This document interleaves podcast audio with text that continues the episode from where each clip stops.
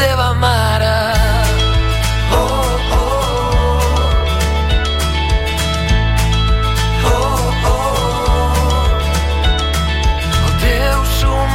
està de dol. Les melodies són soroll. Els altres problemes un insult.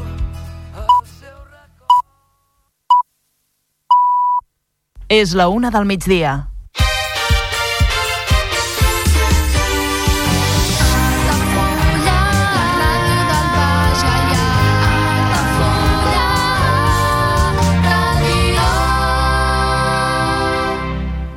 Altafulla Ràdio. Serveis informatius.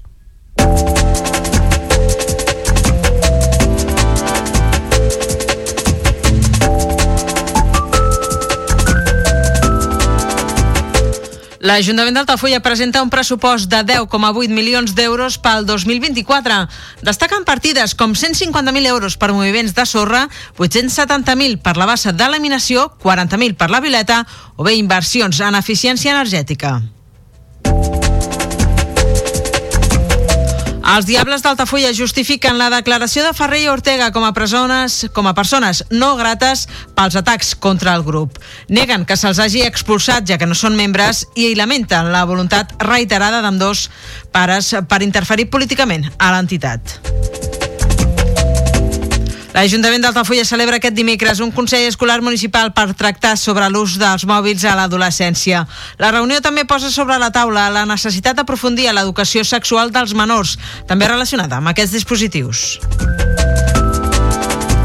La biblioteca acull aquest dijous una tarda de contacontes a càrrec de Pepi Miró. L'espai del carrer del Vinyet romandrà obert i amb entrada lliure per escoltar les aventures del Papito a partir de les 5 de la tarda. A Torredembarra, el ple debatrà sobre l'adjudicació de les obres de cobriment de la nova piscina. Un altre punt que es tractarà a la sessió ordinària de desembre és la contractació d'emergència del servei de neteja viària del municipi. Serà aquest dijous. I la Pobla de Montornès ja ha aprovat un pressupost, en aquest cas de 2,9 milions d'euros per l'any 2024. Es tracta d'un increment del 13,37% respecte al del 2023 i així es permetrà augmentar el capítol d'inversions un 189,86%. El govern català obre expedient per incompliment de la llei de responsabilitat ambiental a vuit empreses químiques eh, del Camp de Tarragona. Suposa aquest l'inici de les investigacions per determinar si l'activitat d'aquestes empreses és la responsable de l'abocament al medi de pèl·lets. I la Federació Empresarial d'Autotransport de Tarragona assegura que el tramcamp és un projecte faraònic, diuen, i que hi proposen l'ús de vehicles d'hidrogen amb més freqüències. Els transportistes reclamen una solució pels camions de mercaderies perilloses que no poden circular pel túnel de l'illa. El delegat del govern a les Terres de l'Ebre, Albert Salvador, suposa la proposta d'interconnectar les xarxes d'aigua de Tarragona i les del Ter Llobregat.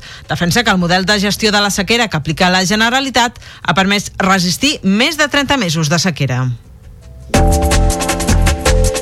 I en esports, en Ortiz cau als quarts de final del màster del circuit absolut de la Federació Catalana de Pàdel i diu adeu a la temporada 2023. L'altafoyenca ha fet tàndem amb Sandra Oliveres i totes dues han cedit contra Sara Pujals i Andrea Ostero, posteriors subcampiones.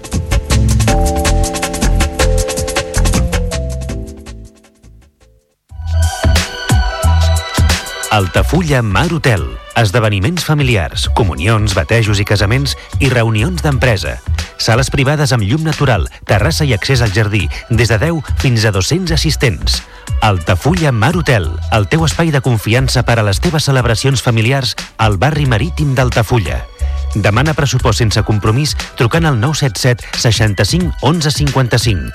Altafulla Mar Hotel. Altafulla Mar Hotel patrocina l'informatiu.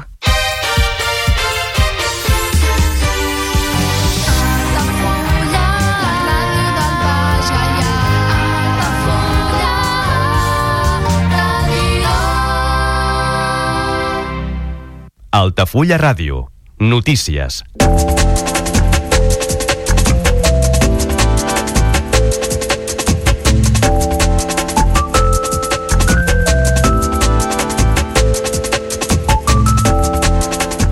L'equip de govern de l'Ajuntament d'Altafulla ha enllestit el pressupost que haurà de regir l'esdevenir del consistori els pròxims 12 mesos, si així ho aprova la majoria del plenari, com és de preveure.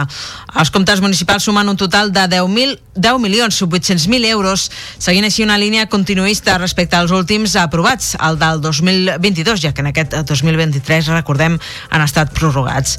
Per elaborar aquests pressupostos s'ha tingut en compte, com ha assenyalat el regidor d'Hisenda Dani Franquès, la conjuntura econòmica actual amb un augment general generalitzat de costos, així com també la situació en què es troben certes àrees de la vila que requereixen ser potenciades, com és la gestió de la platja, que compta amb una partida de 150.000 euros per possibles reposicions de sorra, l'arranjament del passeig marítim amb 150.000 euros més, per exemple. També hi ha partides destinades a fer front a les inundacions a Baix de Mar, com la bassa de laminació i l'expropiació dels terrenys, amb gairebé 900.000 euros en total, la rampa d'accés al canal per permetre entrar-hi la maquinària de la brigada per desembosar-lo o la rehabilitació de l'EDAR de Via Arcúlia.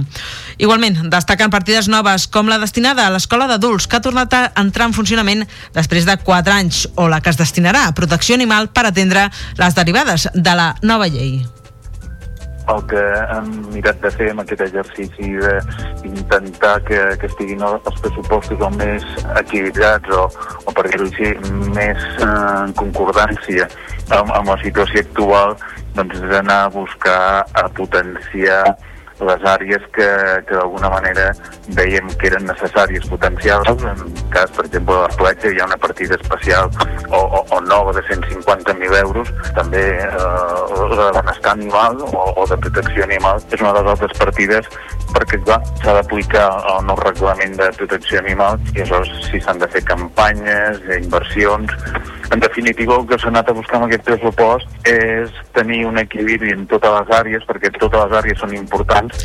Franquesa ha volgut fer incidència especialment a la voluntat del consistori de reduir al màxim la despesa en aquells àmbits que sigui possible fer-ho i ha assenyalat l'aposta per les inversions en eficiència energètica amb un projecte, per exemple, a la Portalada i la renovació de lluminàries com la prevista al pavelló poliesportiu. Són inversions que permetran reduir notablement el consum en llum del consistori també el que s'ha buscat amb aquest equilibri és mirar on teníem despeses més grans, com és el cas de la llum, i fer inversions eh, que, que d'alguna manera eh, tendeixin aquest consum a estabilitzar-se o, o fins i tot anar a la baixa, que aleshores tenim un pla energètic de la portalada i aleshores el podem posar, el podem posar en marxa.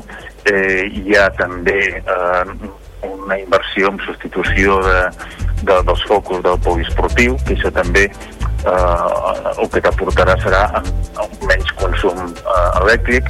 A la línia de crear un pressupost equilibrat, el regidor d'Hisenda ha explicat que més enllà d'intentar atendre per igual totes les àrees, s'aposta per la platja, pel turisme i la cultura i en aquest àmbit destinarà una partida de 40.000 euros a la programació de la Violeta, molt lluny de la despesa que es va fer en l'últim any de mandat a nivell de cultura el, el que fem és creure en la violeta de que pugui tenir una continuïtat d'espectacles de, eh, el que passa que amb un pressupost més ajustat al que nosaltres creiem que té Altafulla no? Aleshores, el que fem és destinar un pressupost de 40.000 euros per la programació per buscar una programació estable de la violeta aquí hem de tenir en compte amb aquest pressupost nou del 2024 apareixen elements que no teníem el 2022, ni per tant amb el 23 eh, com a prorrogat, no? que per exemple les despeses de, de la programació de la Violeta o l'escola de Bulls o, o per una altra banda aquesta partida per la reposició de sorra de la platja.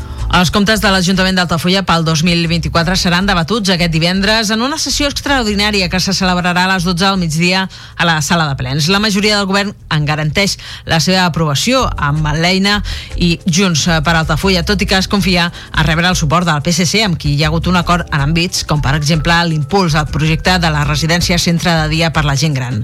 Pel que fa al principal grup de l'oposició, Alternativa Altafulla, no semblaria disposat a aprovar aquest pressupost segons es desprèn de la Comissió d'Hisenda celebrada aquesta setmana.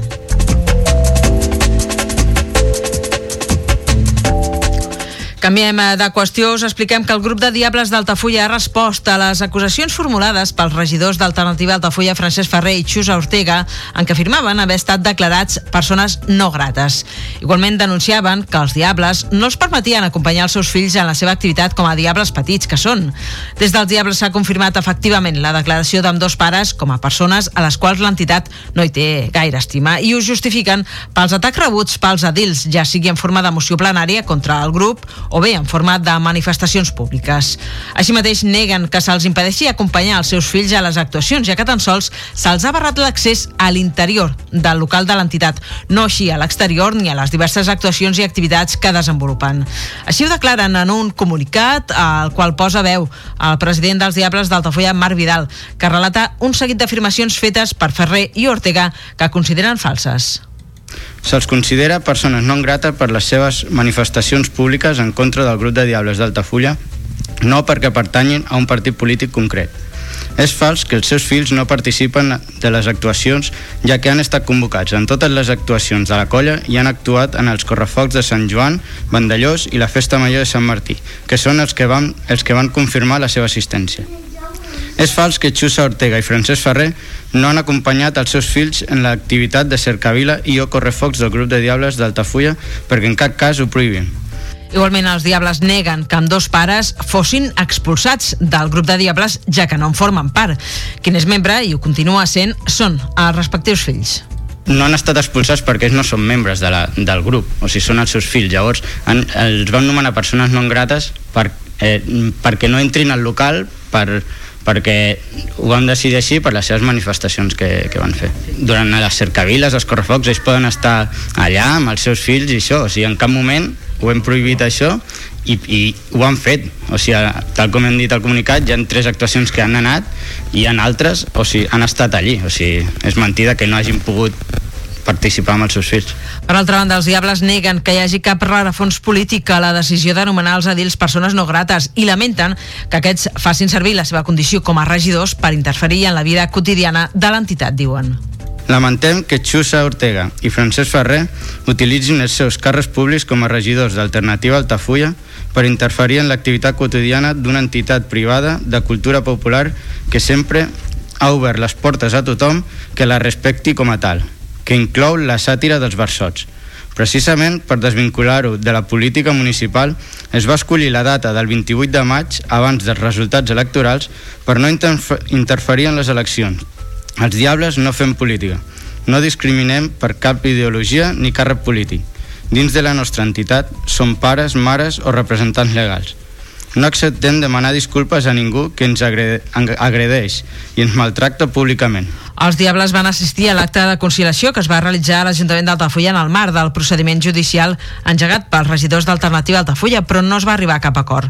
Els Diables entenen que no han de demanar disculpes ni pagar 5.000 euros en concepte de danys i perjudicis, com instaven els denunciants.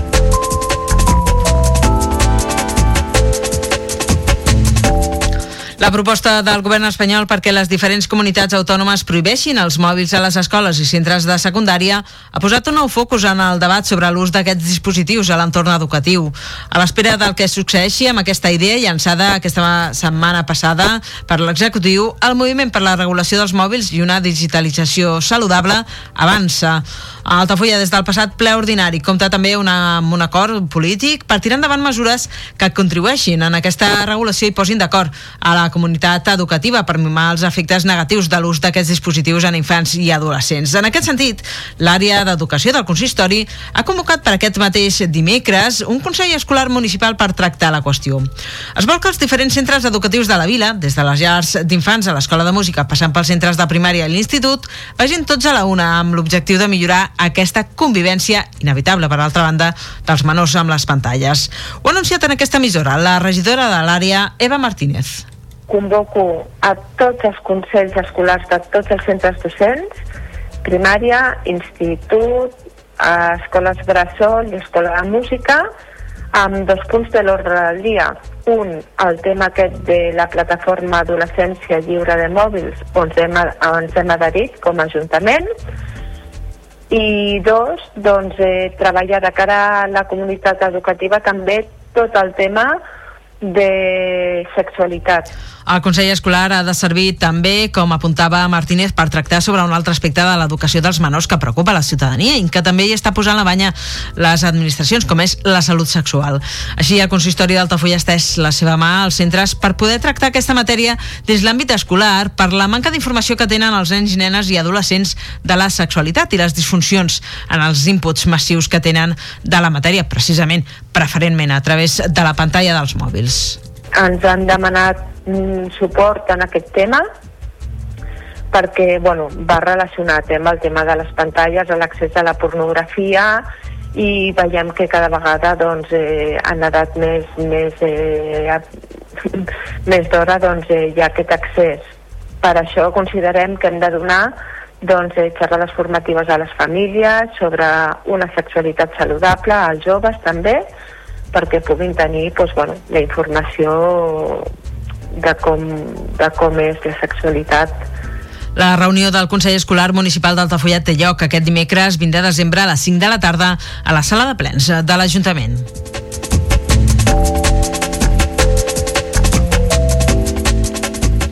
I aquest dimecres han finalitzat les classes als centres educatius i és moment de tenir unes merescudes vacances pels més petits de la casa i poder descansar, però també gaudir de propostes lúdiques i culturals per tota la família. És la proposta que ens arriba des de la Biblioteca Municipal d'Altafulla, que aquest dimarts ja ha acollit una tarda de jocs en família força reixida. I aquest dijous serà el torn de l'altra proposta, d'una altra proposta, en aquest cas d'una sessió de conte-contes de la mà de la incansable veïna d'Altafulla, Pepi Miró. Com és habitual, acostarà als més petits les seves històries entranyables, ambientades en l'època nadalenca i amb el protagonisme del personatge que l'ha feta famosa a les nostres contades. És el Papito. Ella mateixa ha fet 5 cèntims en aquesta emissora i ha apuntat que hi haurà sorpreses. Hola, demà el Pepito eh, explicarà històries, com sempre, de les seves. Se farà cagar el tio, que tindrà una sorpresa. Quina una altra cosa que farà és que farà vindre els, els tres reis mags, però també hi ha un dimoni una mica tremendot que surt per aquí que no estava en el guió i el dimoni farà de les seves. Així que demà, si voleu, podeu veure el, el Pepito fent cagar el tio i el Pepito parlant amb els tres reis mags i amb el dimoni, sobretot amb el dimoni, que és dolentot, el dimoni, dolent, dolent. Les aventures d'en Pepito seguiran creixent doncs, eh, de la veu de la narradora i escriptora per fer passar una bona estona a tothom qui s'atansi a la biblioteca dijous. A partir de les 5 de la tarda, l'accés és gratuït i limitat a l'aforament de l'espai.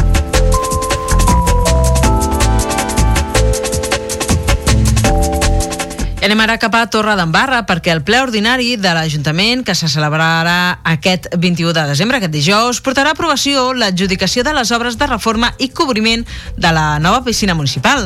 Aquesta actuació s'adjudicarà a l'empresa Gestió Ingenieria i Construcció de la Costa Dorada, S.A., per un import de 2.400.000 euros i s'executarà en un termini de 41 setmanes.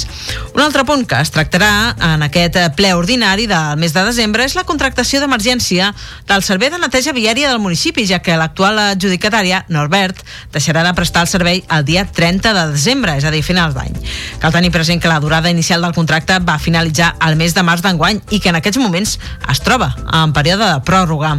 Després d'haver sol·licitat pressupost a cinc empreses del sector, el servei es contractarà a la mercantil Urbacer SA per un import de 753.000 euros al contracte a l'any. El contracte s'iniciarà l'1 de gener del 2024 i finalitzarà un cop l'Ajuntament hagi elaborat l'estudi econòmic que ha de servir per decidir si es municipalitza a la neteja viària o bé s'externalitza. D'altra banda, es preveu que al mateix ple, a l'apartat de qüestions sobrevingudes, es resolguin les reclamacions i s'aprovi definitivament la modificació de la taxa per la gestió dels residus i l'impost sobre béns immobles, l'IBI. L'equip de govern preveu desestimar les al·legacions i aprovar l'esmena que permetrà rebaixar l'increment de l'IBI, passant de l'augment del 17% a l'augment de l'11%.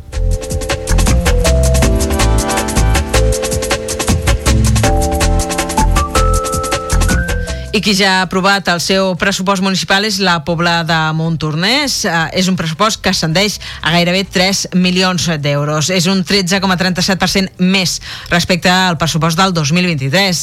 Aquest increment es produeix principalment per la cerca de noves subvencions que augmenten un 85%.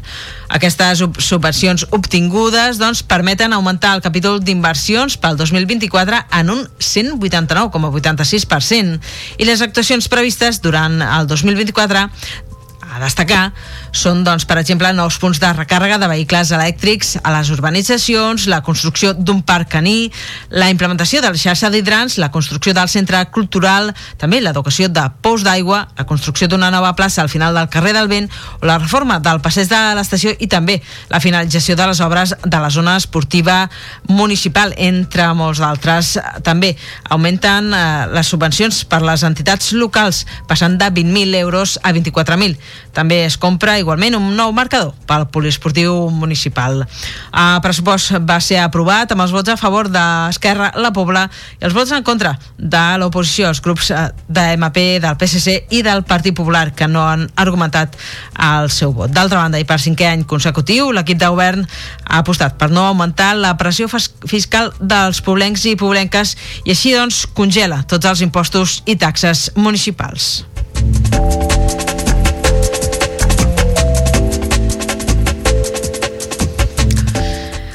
Obrim, obrim ara la mirada a la resta del camp de Tarragona i ens fem ressò de que el Departament d'Acció Climàtica obert expedient per incompliment de la llei de responsabilitat ambiental a vuit empreses químiques del camp de Tarragona per la seva suposada responsabilitat a l'origen de la contaminació amb pèl·lets.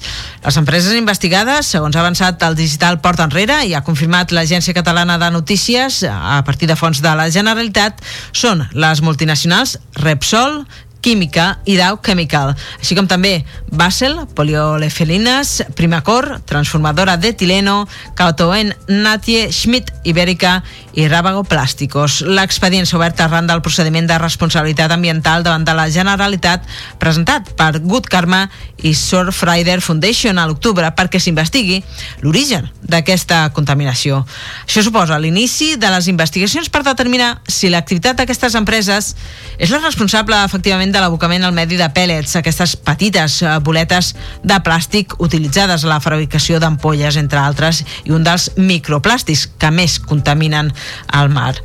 Segons eh, van detallar les entitats denunciants a l'octubre, durant els últims anys s'havien batut dos rècords mundials de recollida de pèl·lets en aquesta zona, més de 700.000 al 2021 i més de 2 milions al 2022. Les empreses químiques productores de plàstics van constituir al setembre la plataforma Zero Pellets per conscienciar la societat i per plantejar noves mesures per limitar aquests impactes.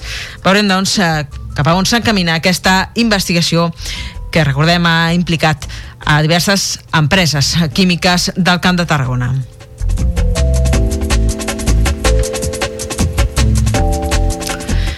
I seguim parlant-vos d'empreses econòmiques, en aquest cas d'entitats d'una federació, la Federació Empresarial d'Autotransport de Tarragona, la FEAT, que ha rebutjat el projecte del trencamp perquè el considera, atenció, diuen, faraònic i també necessari els transportistes consideren que cal un sistema àgil i flexible i aposten per vehicles d'hidrogen i elèctrics amb una alta freqüència de pas i amb eixos cívics als llocs per on passaria el tramvia.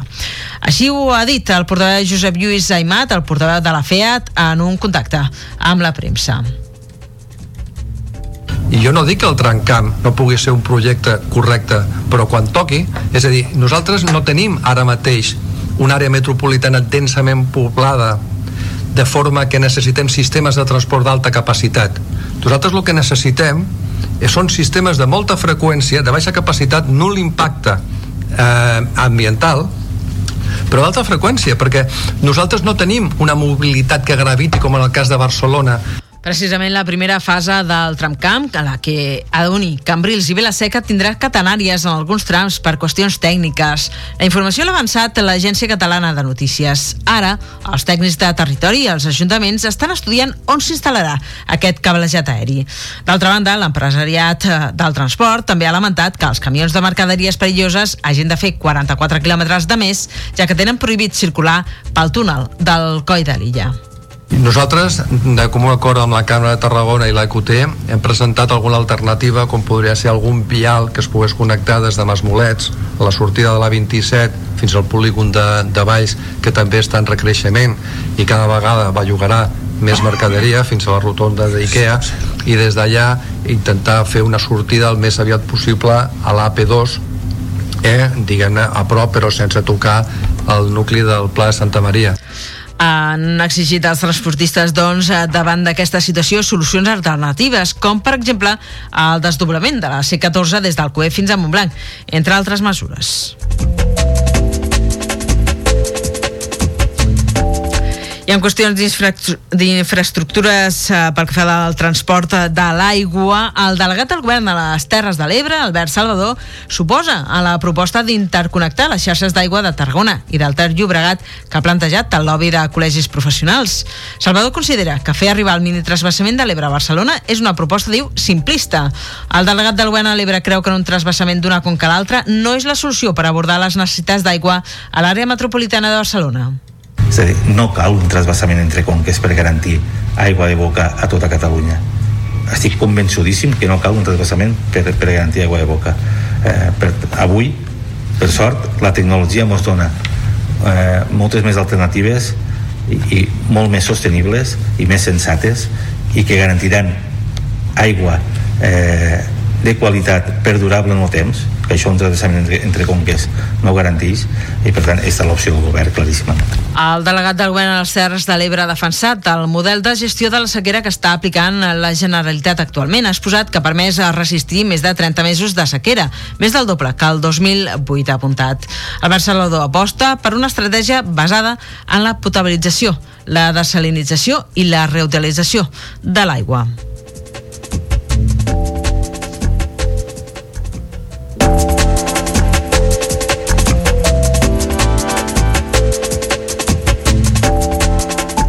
I obrim ara plana esportiva parlant-vos de pàdel perquè la palista Ana Ortiz ha posat un final a la temporada 2023 amb la participació al màster del circuit absolut Audi Legem celebrat al pàdel indoor d'Ir Sant Cugat entre els dies 15 i 17 de desembre. Hi han participat les 16 palistes amb millor puntuació, amb alguna excepció, i també l'altafoyenca que ha fet tàndem amb Sandra Oliveres.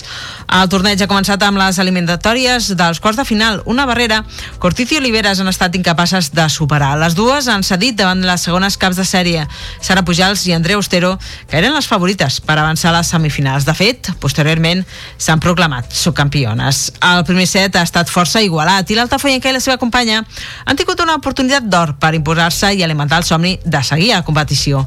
Malauradament han acabat perdent amb un 6 a 4 i al següent set la igualtat ha desaparegut i han perdut per 6 a 2. 7 i partit, doncs. D'aquesta manera, Ortiz acomiadat d'una temporada que ha fet diverses passes endavant en la seva carrera en el PADA. L'ha acabat l'etapa formativa i ja és amateur a tots els efectes, la qual cosa l'exigirà encara més en el 2024, si bé ja sap a què és enfrontar-se a rivals de més edat.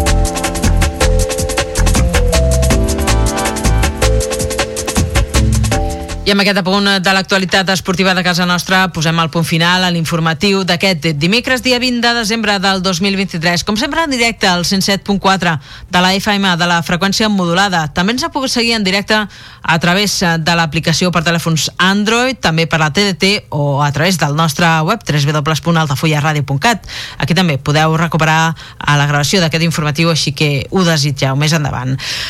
També el perfil d'Altafulla Ràdio a les xarxes socials, a Facebook i a Twitter, a X, està disponible, està actiu per portar-vos l'última hora del que passi a casa nostra. Res més, des dels estudis del carrer Marquès de Tamarí d'Altafulla, tot l'equip que fem possible aquest programa us saluda ben cordialment, en especial una servidora, la Carol Quota, que us envia una forta abraçada. Ens retrobem a les pròximes edicions de l'informatiu d'aquesta casa. Que vagi molt bé el dia. A reveure.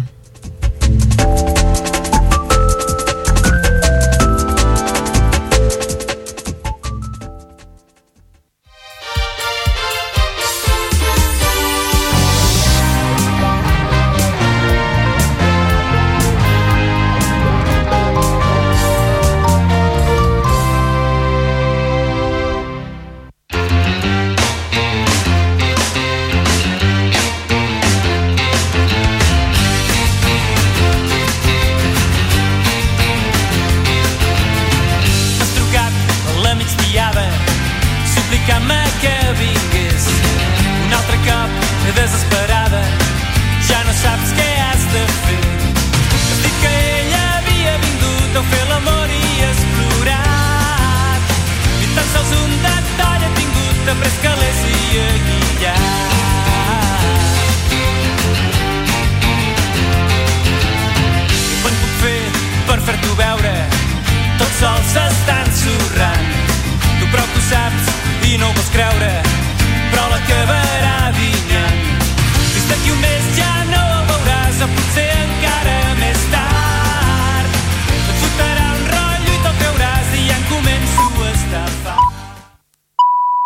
Altafulla Ràdio. La xarxa. Comunions 2024. Dates ja disponibles amb